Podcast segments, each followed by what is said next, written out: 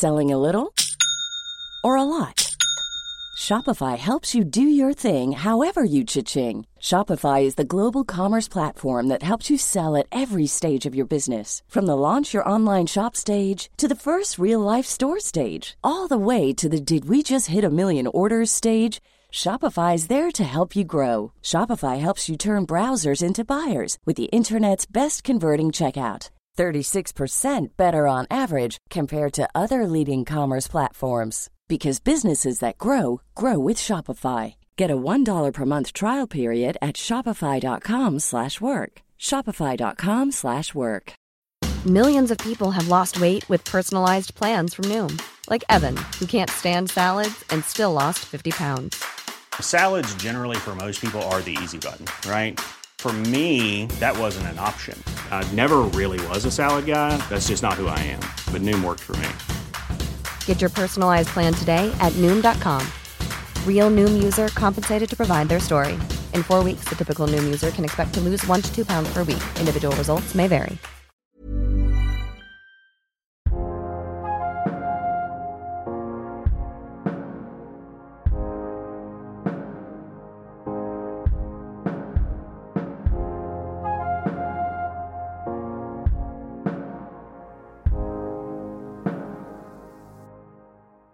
Welcome to Stories from Humans to Humans, a podcast where people tell their stories. I denna veckans avsnitt ska vi få höra Ida Goldström berätta om sin dröm om att få barn och bilda familj. Men som tog en helt annan väg än vad det var tänkt via adoption. Varmt välkommen Ida Goldström. Tack så mycket. Om man vill följa dig Ida och veta mer om dig, var går man in då? Man kan följa mig på Instagram, Ida Goldstrand, eller på Facebook, eh, Kråkebäcks trädgårdsland. Det är ju så att du har en otroligt viktig historia att berätta för eh, människor där ute som flera kommer känna igen sig i. Jag vill att vi tar oss tillbaka många år i tiden. Till en tid där du ville eh, för första gången ha barn i ditt liv. Kan du berätta mer om den perioden? Mm. Så det ligger ju i de flesta människors intresse att bilda familj och så. Det är även för mig och min man. Och jag har nog alltid i hela min uppväxt och ja, men när man ser sig själv i framtiden så har jag alltid tänkt att jag skulle ha barn. Eh, lite så Svensson-tänk. Två barn och familj. Så den drömmen har jag alltid haft med mig. Sen eh, hur de där barnen skulle komma till mig, det visste jag ju inte förrän långt senare. Jag kan ju mm, säga det att eh, själv är jag i den åldern där de tankarna börjar komma. Det är väldigt fascinerande att få höra hur allting funkar för någon annan då. Mm. Alltså det, det, är ju ingen mänsklig rättighet att få barn. Fast det känns ju så. För folk säger rent allmänt att man skaffar barn. Eh, så man tror att det ska bara fungera. Och det gör inte det. För ganska många är det en kamp att lyckas bli förälder.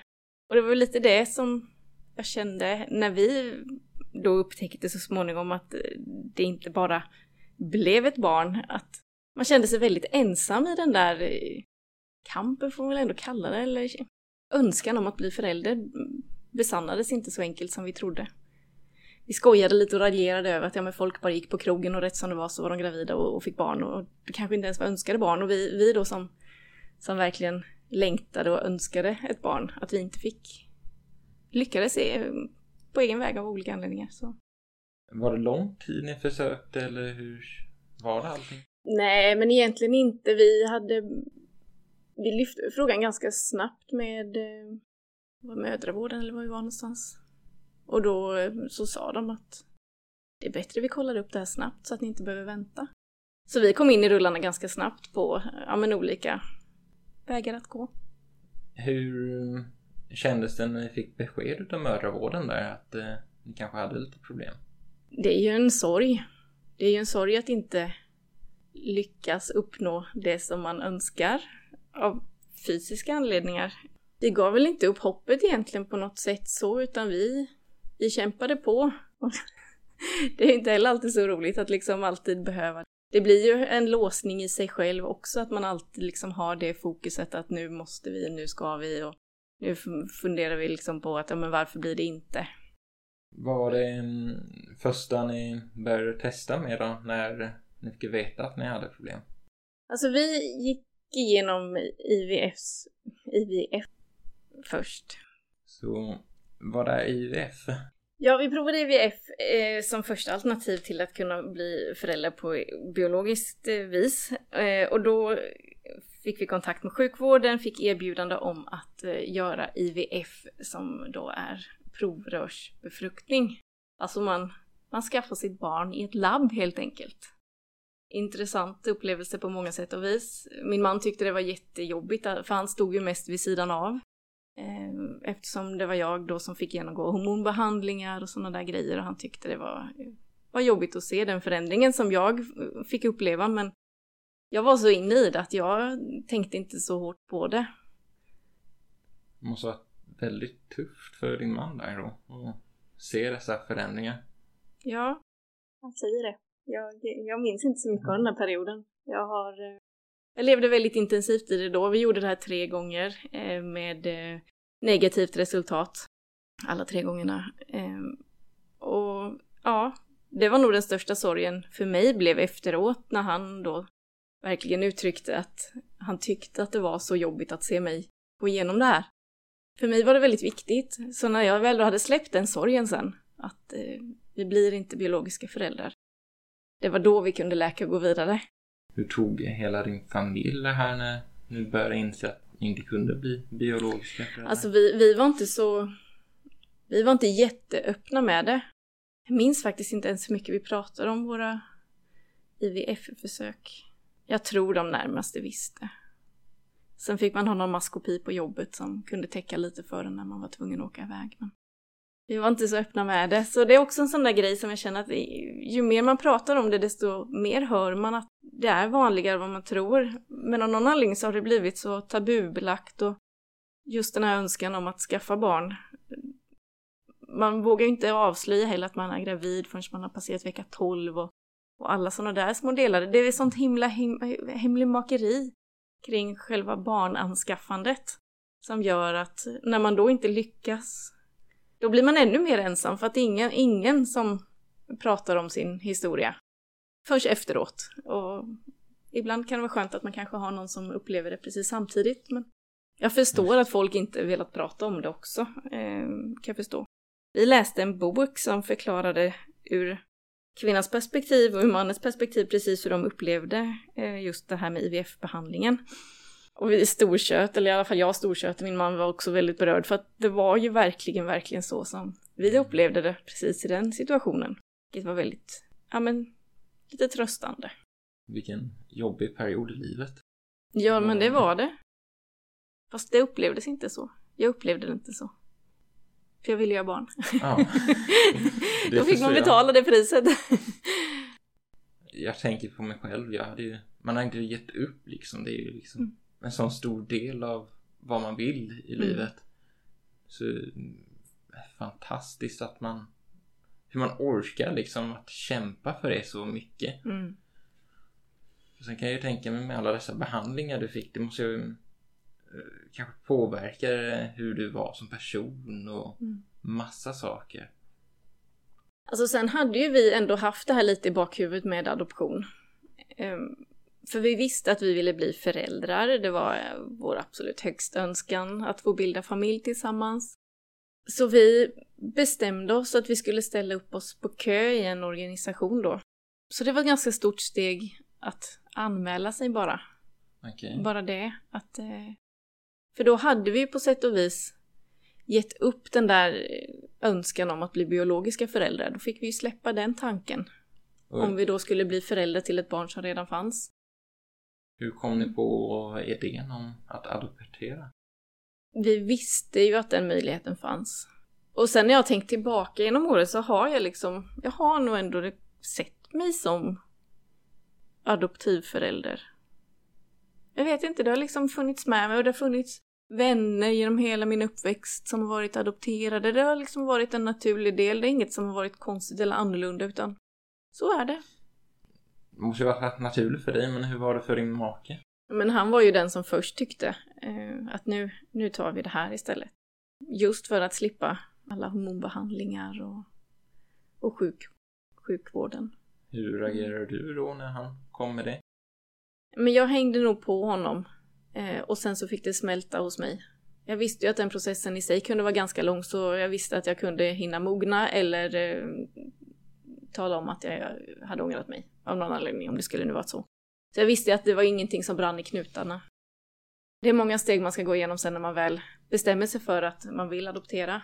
Man ska bli godkänd, eh, nej man ska inte bli godkänd så, men man ska gå en föräldrakurs och sen ska man göra en eh, familjeutredning genom eh, socialtjänsten som hjälper till med det då för att, för att kolla att vi är ett lämpligt hem att ta emot ett barn som, som kommer från andra förhållanden och ska landa hemma hos oss. Och det är bra att vi inte har onda avsikter med att eh, få adoptera, utan vi faktiskt är de där fina snälla människorna som vi uppger oss för att vara. Vad skönt. Ja, men verkligen. Nej, men jag vill trycka på det att den där utredningen, det är så många som har åsikter om att eh, och varför ska ni granskas och varför ska ni det här? Och, ja, men det är ju för barnens skull. Och jag och Mikael lärde oss jättemycket om varandra när vi satt i de där intervjuerna, så jag tycker faktiskt att det bara det gav oss mer, det gav oss mer trygghet faktiskt i varandra och vad vi hade för åsikter och syn på barnuppfostran och sånt där som man kanske inte diskuterar.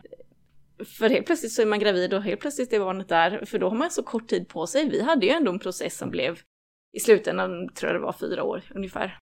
Sin tid. Ja men det, det är en lång graviditet verkligen. Eh, så, så vi hann ju verkligen lära känna varandra ännu mer under den tiden.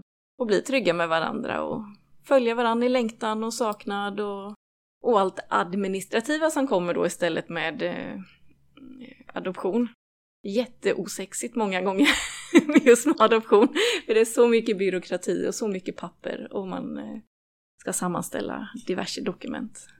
Då måste jag ju bara fråga, alltså, det här är nog det här är en väldigt intim fråga. Men eh, när du säger det här jätteosexig period och allt vad, vad det heter i livet. Hur funkade hela den biten med din partner under den här perioden? Blev det försämrat eller fortsatte som det var? För jag kan tänka mig att under så mycket problem så kan jag tänka mig att många får problem i sin relation ändå. Mm. Som jag sa lite innan, alltså när man verkligen har en längtan i början, då är det ju inte så himla kul när man ska ligga på beställning. Eh, som det kan bli då, Mm. för att det, det är nu eh, det är ägglossning och det är nu vi måste eh, så det är klart, när man väl släpper den pressen så blir det på ett annat sätt. Så vi har, vi har eh, haft en bra period hela tiden tycker jag. Det är skönt att höra. Mm. Jag kan tänka mig att många som lyssnar där ute kanske får motsatsen för att de blir så nere i att Mm. Man måste komma ihåg varann i förhållandet oavsett var man är i livet. Mm. fantastiskt fint av att säga så. Men ehm, sen har du alla så här byråkratisaker du pratar om att det är så mycket och men hur kändes det då för första gången när ni visste att nu ska de börja kontrollera oss? Hur vi är som personer? Kändes det läskigt eller? Ja men det var ju jätteläskigt just för att vi hade så många fördomar också som andra hade sagt till oss om att man skulle svara på ditten och datten och jag har fått så många olika alternativ på att det här kommer de fråga och det frågar de inte alls. Utan de är ute efter att veta för att de ska ju skriva ihop ett dokument som ska skickas till det landet som vi är intresserade av att få adoptera ifrån. Och då ska ju de göra, de ska ju skriva ihop en liten berättelse om vem är du och Mikael. Och det är ju jätte jättemärklig känsla och den, sen få det dokumentet i sin hand där det står om sig själv i tredje form.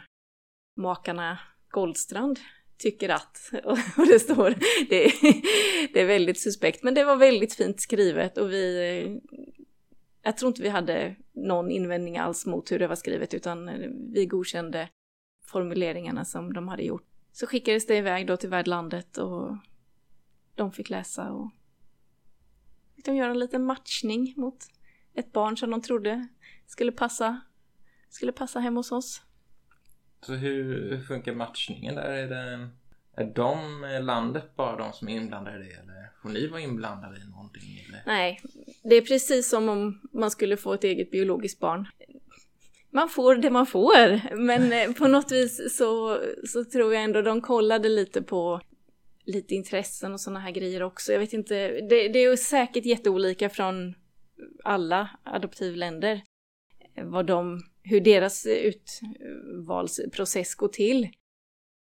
jag vet inte. De kollar lite grann mm. på vad är det här för typ av människa. Jag vet de pratade om till exempel om det var någon som var väldigt musikalisk och, och väldigt, ja men spelade mycket i sin familj. Om någon då visste någonting om barnets bakgrund eller hade på något vis visste att det här barnet hade de mm. Egenskaperna så kanske de kunde para ihop så. Men de här barnen är ju förhållandevis små när vi får bli föräldrar till dem så... Nej. Det är fantastiskt att få barn. Man kan ju också söka om att få, få bli förälder till ett barn som man vet har kända behov. Och då, då vet man ju lite mer om sitt barn redan när man får det. Ja men det kan vara med gomspalt eller det kan vara olika ja, men fosterskador mm. som har blivit som man, som man vet eh, då vid ansökan. Och det kan man kryssa i om man känner att men det här har vi möjlighet att ta hand om i vår familj. Men man kan också säga att eh, nej, vi vill inte ha barn med kända behov, men precis som med ett magbarn så kan det ju bli vad det blir. Man, mm. Det är någonting som allt verkar friskt och perfekt och så får man se vad det blir. När ni då väl visste att ni hade blivit godkända då för att få barn. Hur kändes, alltså hur känslan var det, var det en lycka eller vad hände i familjen? Men det är ju en jättepirrig situation hela vägen för just för att man kan man checkar ju av olika steg. Det var som jag sa, vi gick föräldrautbildningen, då var det check på det och sen hade vi ansökan klar, då var den färdig. Och sen då skickar man iväg papprena. Och där börjar ju en olidlig väntan innan man hör mm. någonting. Och det är egentligen ingenting som är självklart där heller, för det kan vara någonting i våra papper som gör att det är värdlandet eh, tycker att nej, de här människorna av någon anledning eh, kan vi inte hjälpa. Mm. Och då skickas papperna tillbaka till Sverige och organisationen här och så får man se sig om efter andra alternativ. Så bara för att man bara för att jag och Mikael då hade sett ut ett land som vi var intresserade av så var det ingen garanti i sig att vi skulle bli föräldrar mm. där utan man sitter lite på nålar hela tiden tills man väl då har fått, ja egentligen ända tills man har barnet hemma i sin vård. Ända fram till dess så, så är man inte garanterad. Mm. Och det, den, den känslan är ju en berg och dalbana. Man, man, får liksom lite positiva besked med jämna mellanrum och sen så är det en olidlig väntan och sen så får man något besked igen och så. Mm. Om du tänker om från det här med att man får de här papperna skickade till sig att de har utformat allting och ni har godkänt det. Hur lång tid, jag vet ju att ni har ju två adoptivbarn då. Mm. Hur lång tid ungefär har det tagit om du jämför de två innan ni har fått något typ av besked från landet? Bara för att veta något. Alltså nu är det ganska många år sedan som vi adopterade våran pojke. Så det skiljer nog jättemycket och jag vet att det här med corona har också påverkat väntetider och sådana grejer också. Men för vår del så var det, vi skickade in i vi skickade in någon gång efter jul. Och sen så fick vi barnbesked i februari. Så det var bara två månader. Det var inte alls länge. Men sen fick vi vänta ju innan vi fick åka och hälsa på. Så där, där var vår långa, långa väntan. Mm. Hur var den biten då? Ja men det var ju så pirrigt och så spännande. Att veta att det fanns ett barn som, som skulle få bli våran. Och att vi skulle få bli hans. Wow. Ja, det går inte att beskriva. Och det är ju så surrealistiskt och alltihop. Och det här är ju, det är liksom bara, det är ju väldigt abstrakt. För det är ju liksom inte någonting som killar i magen och man vet att det är någon som är där och snart får vi träffa dig. Utan ja, det är en individ redan som finns och lever och, och, och leker och har det bra. Vi visste att våran pojke hade det bra. Så det, ja, vi fick ju bara sitta och vänta och, och hoppas att tiden skulle gå fort. Om vi tar oss tillbaka till den dagen när ni ska packa till flyget och mm. åka ut. Kan du berätta om den dagen? Åh, vad vi var nervösa. Supernervösa. Vi skulle åka långt och för det första är min man väldigt flygrädd så han var ju han såg ju bara framför sig att han var framme. Det var, det var första målet att bara ta sig dit för honom. Så det, han var kanske egentligen mest lite nervös när han kom fram för då hade han, då hade han bokstavligt talat landat och kunnat släppa flygresan. Ja, det var spännande. Jättespännande. Så fick vi vara där. Vi var ju i Seoul då i vårt fall så var vi där ett par dagar innan vi då hade avtalat tid om att få åka och hälsa på vår lille pojk. När ni hade landat där i Seoul, vad gjorde ni för att kunna liksom ja, slappna av och inte vara helt inne i det här nervösa. Vi åkte ju runt en hel del. Eh, vi fick möjlighet att åka till födelsestaden eh, som vår pojke hade blivit född i Jag lära känna den lite. Jättefint bemötande. Det är väldigt trevligt land så sett. Sociala människor och väldigt hjälpsamma. Så vi försökte se oss omkring och få en känsla av landet så att vi skulle kunna berätta om det då för barnen när de blir stora sen att så här har vi upplevt Sydkorea. Samma dag när ni vaknar och nu ska vi göra oss i ordning. Kan du berätta om hela den, alltså vägen till barnet och mötet där? Det, jag tror att många vill veta hur det här Ja men det var ju super, super pirrigt. Eh, jätte, jättepirrigt. Och sen, det här är ju ett land där de inte... Vi förstod ju inte ett ord av språket. Koreanska är ju inte eh, tillstymmelse till att kunna gissa vad de pratar om. Eh, så vi satt i taxin och hade vi med oss en tjej från eh, agenturen som översatte lite grann. Men jag tror vi satt ganska tysta och bara tittade oss omkring för då skulle vi också röra oss. Det är ju en jätte, jätte, jättestor stad, Seoul. Så att få uppleva en sån stor stad där det bor liksom fler människor än vad det gör i hela Sverige på ett och samma ställe. Det var bara, bara se sig omkring. Vi, vi var nog väldigt tysta tror jag. Jag bara satt och höll handen och tittade ut genom fönstret och väntade på att komma fram. Om vi tänker då när ni är där vid dörren, ni ska komma in och träffa barnet. Mm. Hur var ögonblicket? Men Amandus eh, kom och han kom och mötte oss vid dörren. Eh, och så sprang han in och då vet jag att jag tänkte att han var, han var så mycket mindre än vad jag hade föreställt mig. Jag visste att han skulle vara ungefär var han, ett år, tio månader eller sånt där. Jag har fått för mig att barn i den åldern var mycket större. det var det, det är de ju inte. Det var bara att jag, jag tänkte att eftersom det inte är en bebis som jag får så tänker jag att det här är ett jättestort barn men han var väldigt liten och gullig. Kommer du ihåg ungefär hur en partner agerade i det här? Ja, men han var också pirrig och nyfiken och tyckte det var spännande och vi satt på golvet där och lekte tillsammans en stund. Vi var där ungefär en timme bara. Och... Är det så att man, eh, någon hjälper er till att sätta er ner och kommunicera med barnet eller hur funkar det? Ja, då hade vi den här kvinnan med från agenturen som var med och, och översatte lite. Pratade lite med fosterhemsmamman och fikade lite och sådär. Mest att bara liksom lära känna in varandra lite först. Och om vi bara tar allting som händer i det här, så det är så intressant ju att veta. Hela processen då, från att träffa barnet. Hur upplever ni livet fram tills ni får det här sista beskedet? Att ni får, ja, hämta honom och bli er son. Alltså det, när vi då förstår att vi ska få bli föräldrar så är det ju en oerhörd glädje och tacksamhet. Och att vi fick just det mest perfekta barnet i hela världen, det är ju helt underbart. Vi hade säkert inte lyckats lika bra genetiskt. så, så ja, vi, vi har verkligen lyckats få fantastiskt fina barn. Från insidan och ut. Eh, Och det, ja, men det är bara kärlek och tacksamhet att få vara förälder till, till dessa. Så ja, den där väntan och längtan, den, den är ju enorm. Jag minns att jag egentligen, för, för när vi hade varit och hälsat på i, i fosterhemmet så får man, och så i samband med det här så är man i en domstolsförhandling där de ska godkänna oss då som adoptivföräldrar.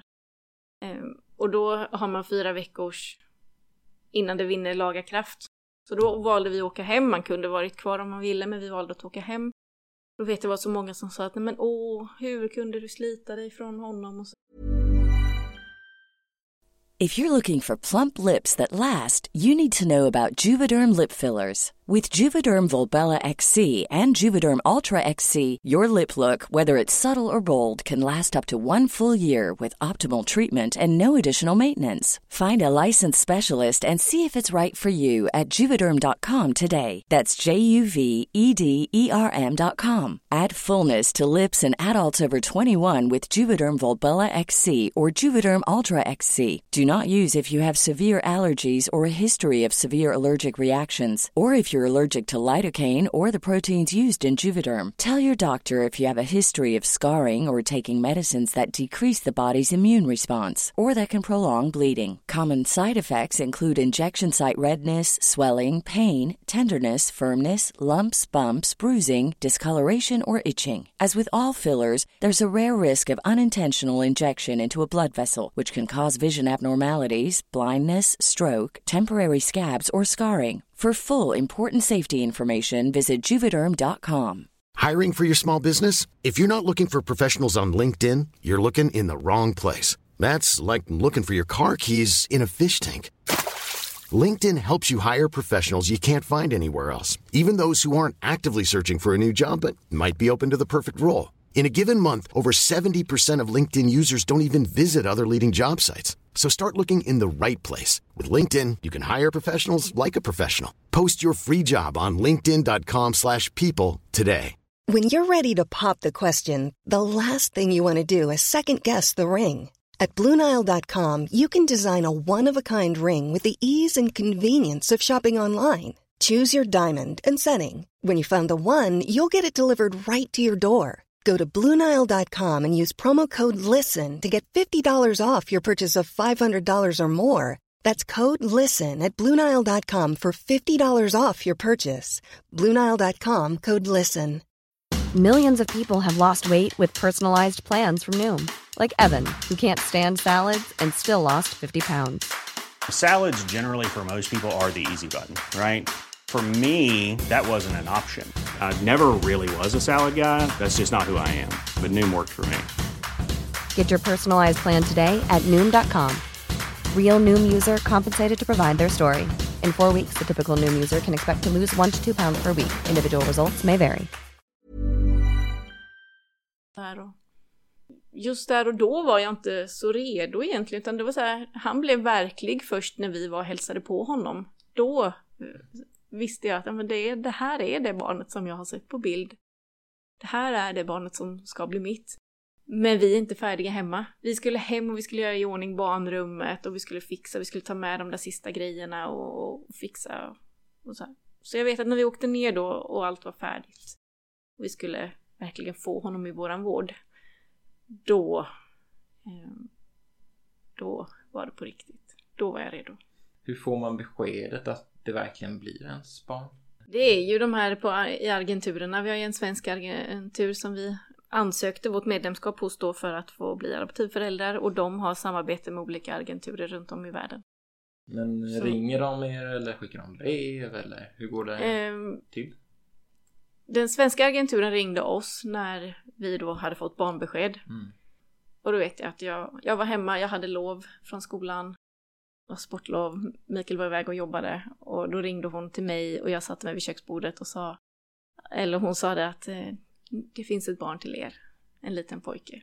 Och jag vet, jag satte mig vid köksbordet och så berättade hon det hon hade fått veta och så sa hon, jag skickar över lite bilder snart. Och då slängde jag i mig mina stövlar och en sjaskig tröja jag hade i närheten och så drog jag iväg till Mikael för han kunde jobbat precis var som helst men just den dagen var han precis i grannbyn, fyra kilometer bort. Så då åkte jag dit och så hoppade jag ner i diket där han stod och grävde just där och då och så kollade vi på bilderna på telefonen och så bara, här är han. Så där tittade vi på våra första bilder på våran pojk.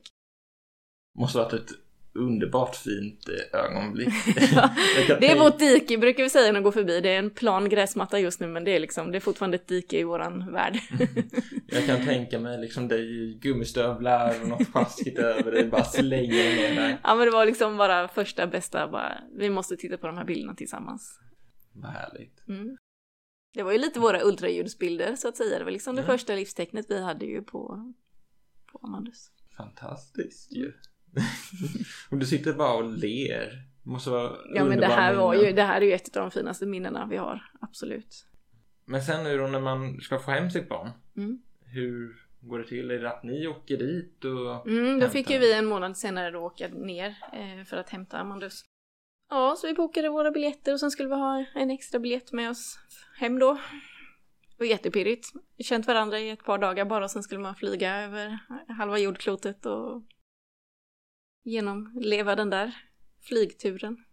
Men det gick bra. Det gick mycket bättre än vad vi vågade hoppas på. När ni landat och allt vad det heter, hur är det liksom att presentera han att här ska du bo och det här är ditt rum och hur... Men det faller sig liksom så naturligt. Jag menar, han är vårt barn. Och han hade ju varit med oss där ett par dagar redan, så det gäller ju liksom att knyta an känslomässigt till varandra. Vi bar ju honom väldigt, väldigt mycket i början.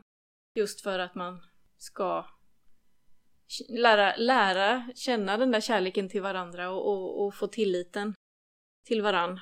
Så mycket bära, vara nära. Sen visar man ju runt leksaker och sådana grejer och, och sängen och ja men allt sånt där. Det, det bara blir naturligt.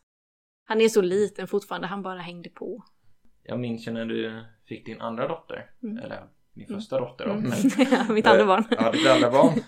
Och jag vet att det var en lång period därefter där man, ni var väldigt noga med att man inte skulle träffa henne flera för att ni skulle by, bygga de här banden ihop. Mm, precis. Eh, hur funkar alltså den här första ja, halvåret ihop med ett adoptivbarn som är ganska litet? Och hur var det för dig? Ja, men just när man, när man bryter gamla anknytningar så måste man tillåtas att verkligen lära sig vilka som är mina nya och, och förstå att de här är för alltid. För många barn som kommer till sin familj genom adoption har kanske jättemånga brutna relationer och därför kan det vara svårt att, att, att lita på människor kanske och det kan vara svårt att, att våga, eh, våga älska någon för att man vet inte hur länge man ska ha den. Eller så är man så ut, uthungrad på, på kärlek att man vänder sig till vem som helst. Och därför är det väldigt viktigt, eh, har vi lärt oss och förstått och, och levt efter också, den första perioden, nej, men då är det mamma och pappa som man sitter hos i knäna. Man går inte och sätter sig hos okända människor, för i början är ju faktiskt mormor och morfar och alla de andra nära personerna fortfarande egentligen okända. Det är eh, de absolut närmaste i familjen som, som man ska lära känna. Och sen att man kan introducera efterhand för att bygga. Men blir barnet ledsen, ja men då är det mamma eller pappa som ska trösta. För att man bara ska förstå helt enkelt att det är de här som är dina primära personer. Och det, det kan vara lite svårt för många att förstå men hos oss så är alla våra närmsta helt accepterat och det har inte varit några konstigheter heller. Utan det. De har ju också velat göra det bästa för barnet såklart. Hur eh, förändrades ditt och din partners liv då när ni hade ert första barn hemma? Och... Ja, att vara förälder är ju den bästa föräldern är den som inte har barn säger de. Man har ju sådana förväntningar, förhoppningar. Man, Okej. man tror att man vet hur det ska bli. Det blir ju ingenting, man får ju bara släppa och bara överleva. Det... Vissa dagar är ju hur bra som helst, andra dagar så är det bara ja, ja, vi börjar om imorgon. Men äh, det är fantastiskt att ha barn. Skitjobbigt ibland, men fantastiskt. Det ska jag absolut säga. Det, det, det är en tuff period och speciellt blir du förälder till ett barn som redan finns. Det, det är ju, man måste lära känna varandra. Och det, jag vet, jag har hört att det kan vara jobbigt med småbarn och spädbarn som Ja, de kanske inte bara sover och äter, utan det kan vara mycket annat krångligt. Men det är väldigt mycket ligga still i alla fall med ett spädbarn. Det är det inte med en ett och ett halvt åring, utan det är full fart från början. Eh, Och sen då när vi fick eh, nummer två, då hade vi en treåring och sen ett, ett och ett halvt åring. Så storebror fick ju stackarn en, en syra som var besvärlig och handskas med redan från början. Det var ju inte så här att, men nu sover hon, nu kan vi leka, utan det var ju så här, du är där och du är där och så sitter jag emellan. För att medla. De skulle också lära känna varandra ju och, Mm. och kitta ihop sig som familj och syskon. Vi hade ju en ganska stor kris i familjen eh, precis när vi hade kommit hem med våran dotter också, så hon fick en, hon fick en väldigt tuff start, men eh, vi har försökt lösa det efter bästa förmåga och landa och nu, vi, vi är liksom verkligen en familj, det är vi. Vi hör ihop. Jag är Mm. så jag är väldigt berörd av hela din resa i det här.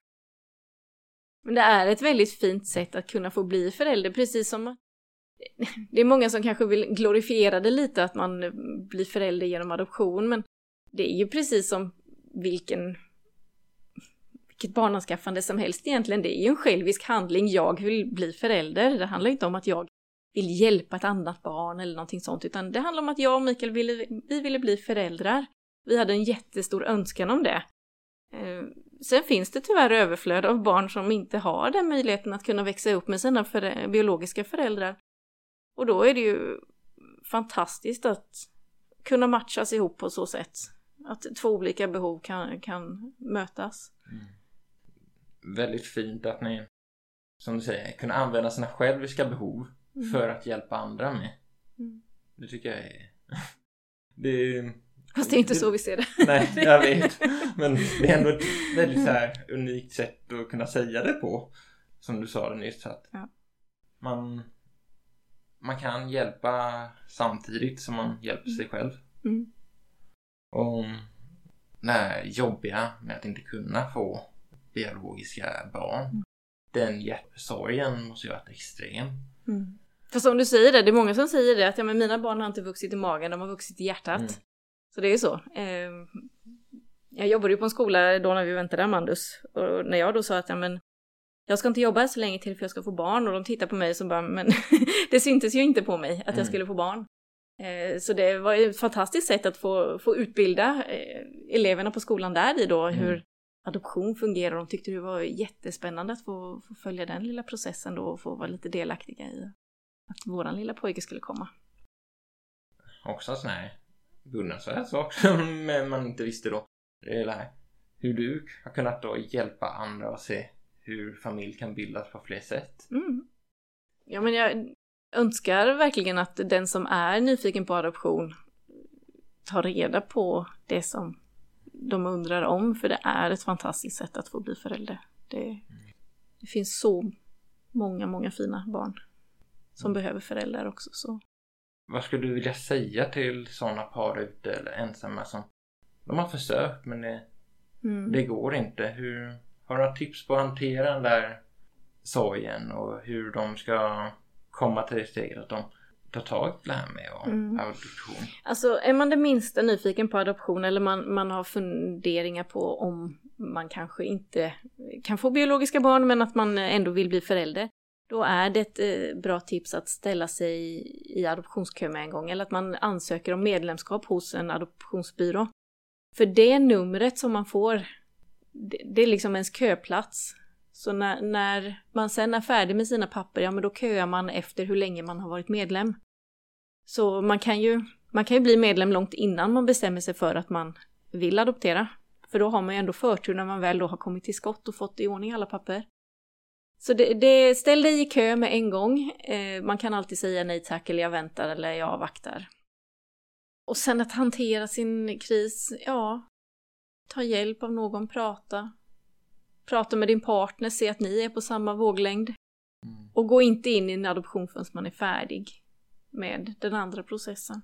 Det är nog svårt att fokusera på, både för det krävs ganska mycket energi att ta hand om ett barn sen som som sagt inte kommer från en själv utan som mm. redan finns. Och att man då bär på andra sorger, ja den sorgen kommer ju alltid finnas med. Det är klart att jag skulle tyckt det var spännande och mysigt att få uppleva att vara gravid men jag har hört så många läskiga födelsehistorier så, så jag brukar trösta mig med det.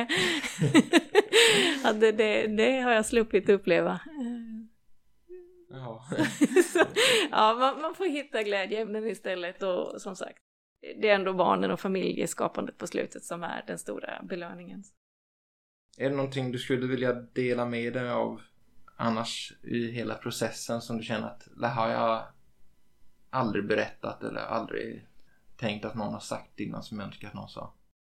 Det är väl egentligen det enda att våga vara öppen om du känner det minsta behov av det. För det finns så många där ute som har upplevt liknande. Är det så att du upplevt missfall och du känner att det här är absolut eh, bara jag i hela världen, börja prata med någon kompis så känner den genast två, tre personer som upplevt precis samma sak. Handlar det om adoption eller någonting, ja men börja titta på stan, vad är det för människor du ser omkring dig? Helt plötsligt så ser du alla de här adoptivfamiljerna, du ser dem överallt, man är inte ensam. Och det finns ju så mycket att söka på, på nätet och behöver man samtalsterapi eller sånt så kan man få det genom hälsocentralen tror jag. Man kan gå och prata med en kurator och då är det på högkostnadsskyddet också så det är ju jättebra. Det är ju fantastiskt. Mm. Jag tänker inte hålla på och fråga dig massa mer. Alltså jag känner väl att du fått berätta din historia ganska bra här. Men eh, jag vill bara återigen fråga då. Om det är någon som vill följa ditt liv och veta mer om dig. Var hittar man dig igen? Man hittar mig på Instagram på Ida Goldstrand eller på eh, Facebook Kråkebäcks trädgårdsland. Där dyker ungarna upp ibland också. Jag kommer göra så att i eh, textraden så kommer jag skriva in dina konton där.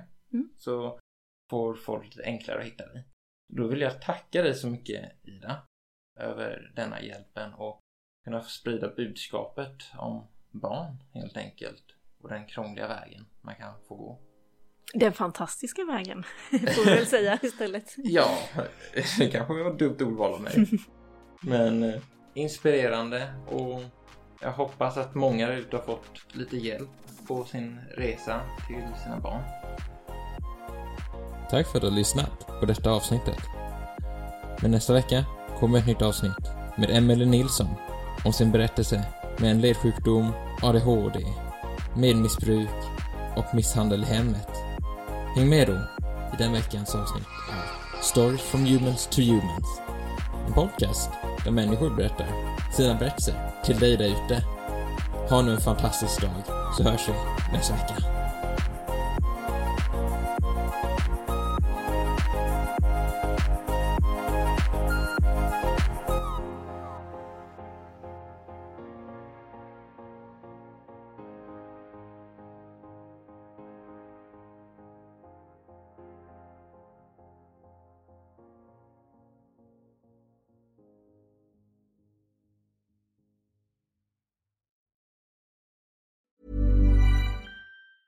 Hey, it's Danny Pellegrino from Everything Iconic. Ready to upgrade your style game without blowing your budget? Check out Quince. They've got all the good stuff shirts and polos, activewear, and fine leather goods, all at 50 to 80% less than other high end brands. And the best part? They're all about safe, ethical, and responsible manufacturing. Get that luxury vibe without the luxury price tag.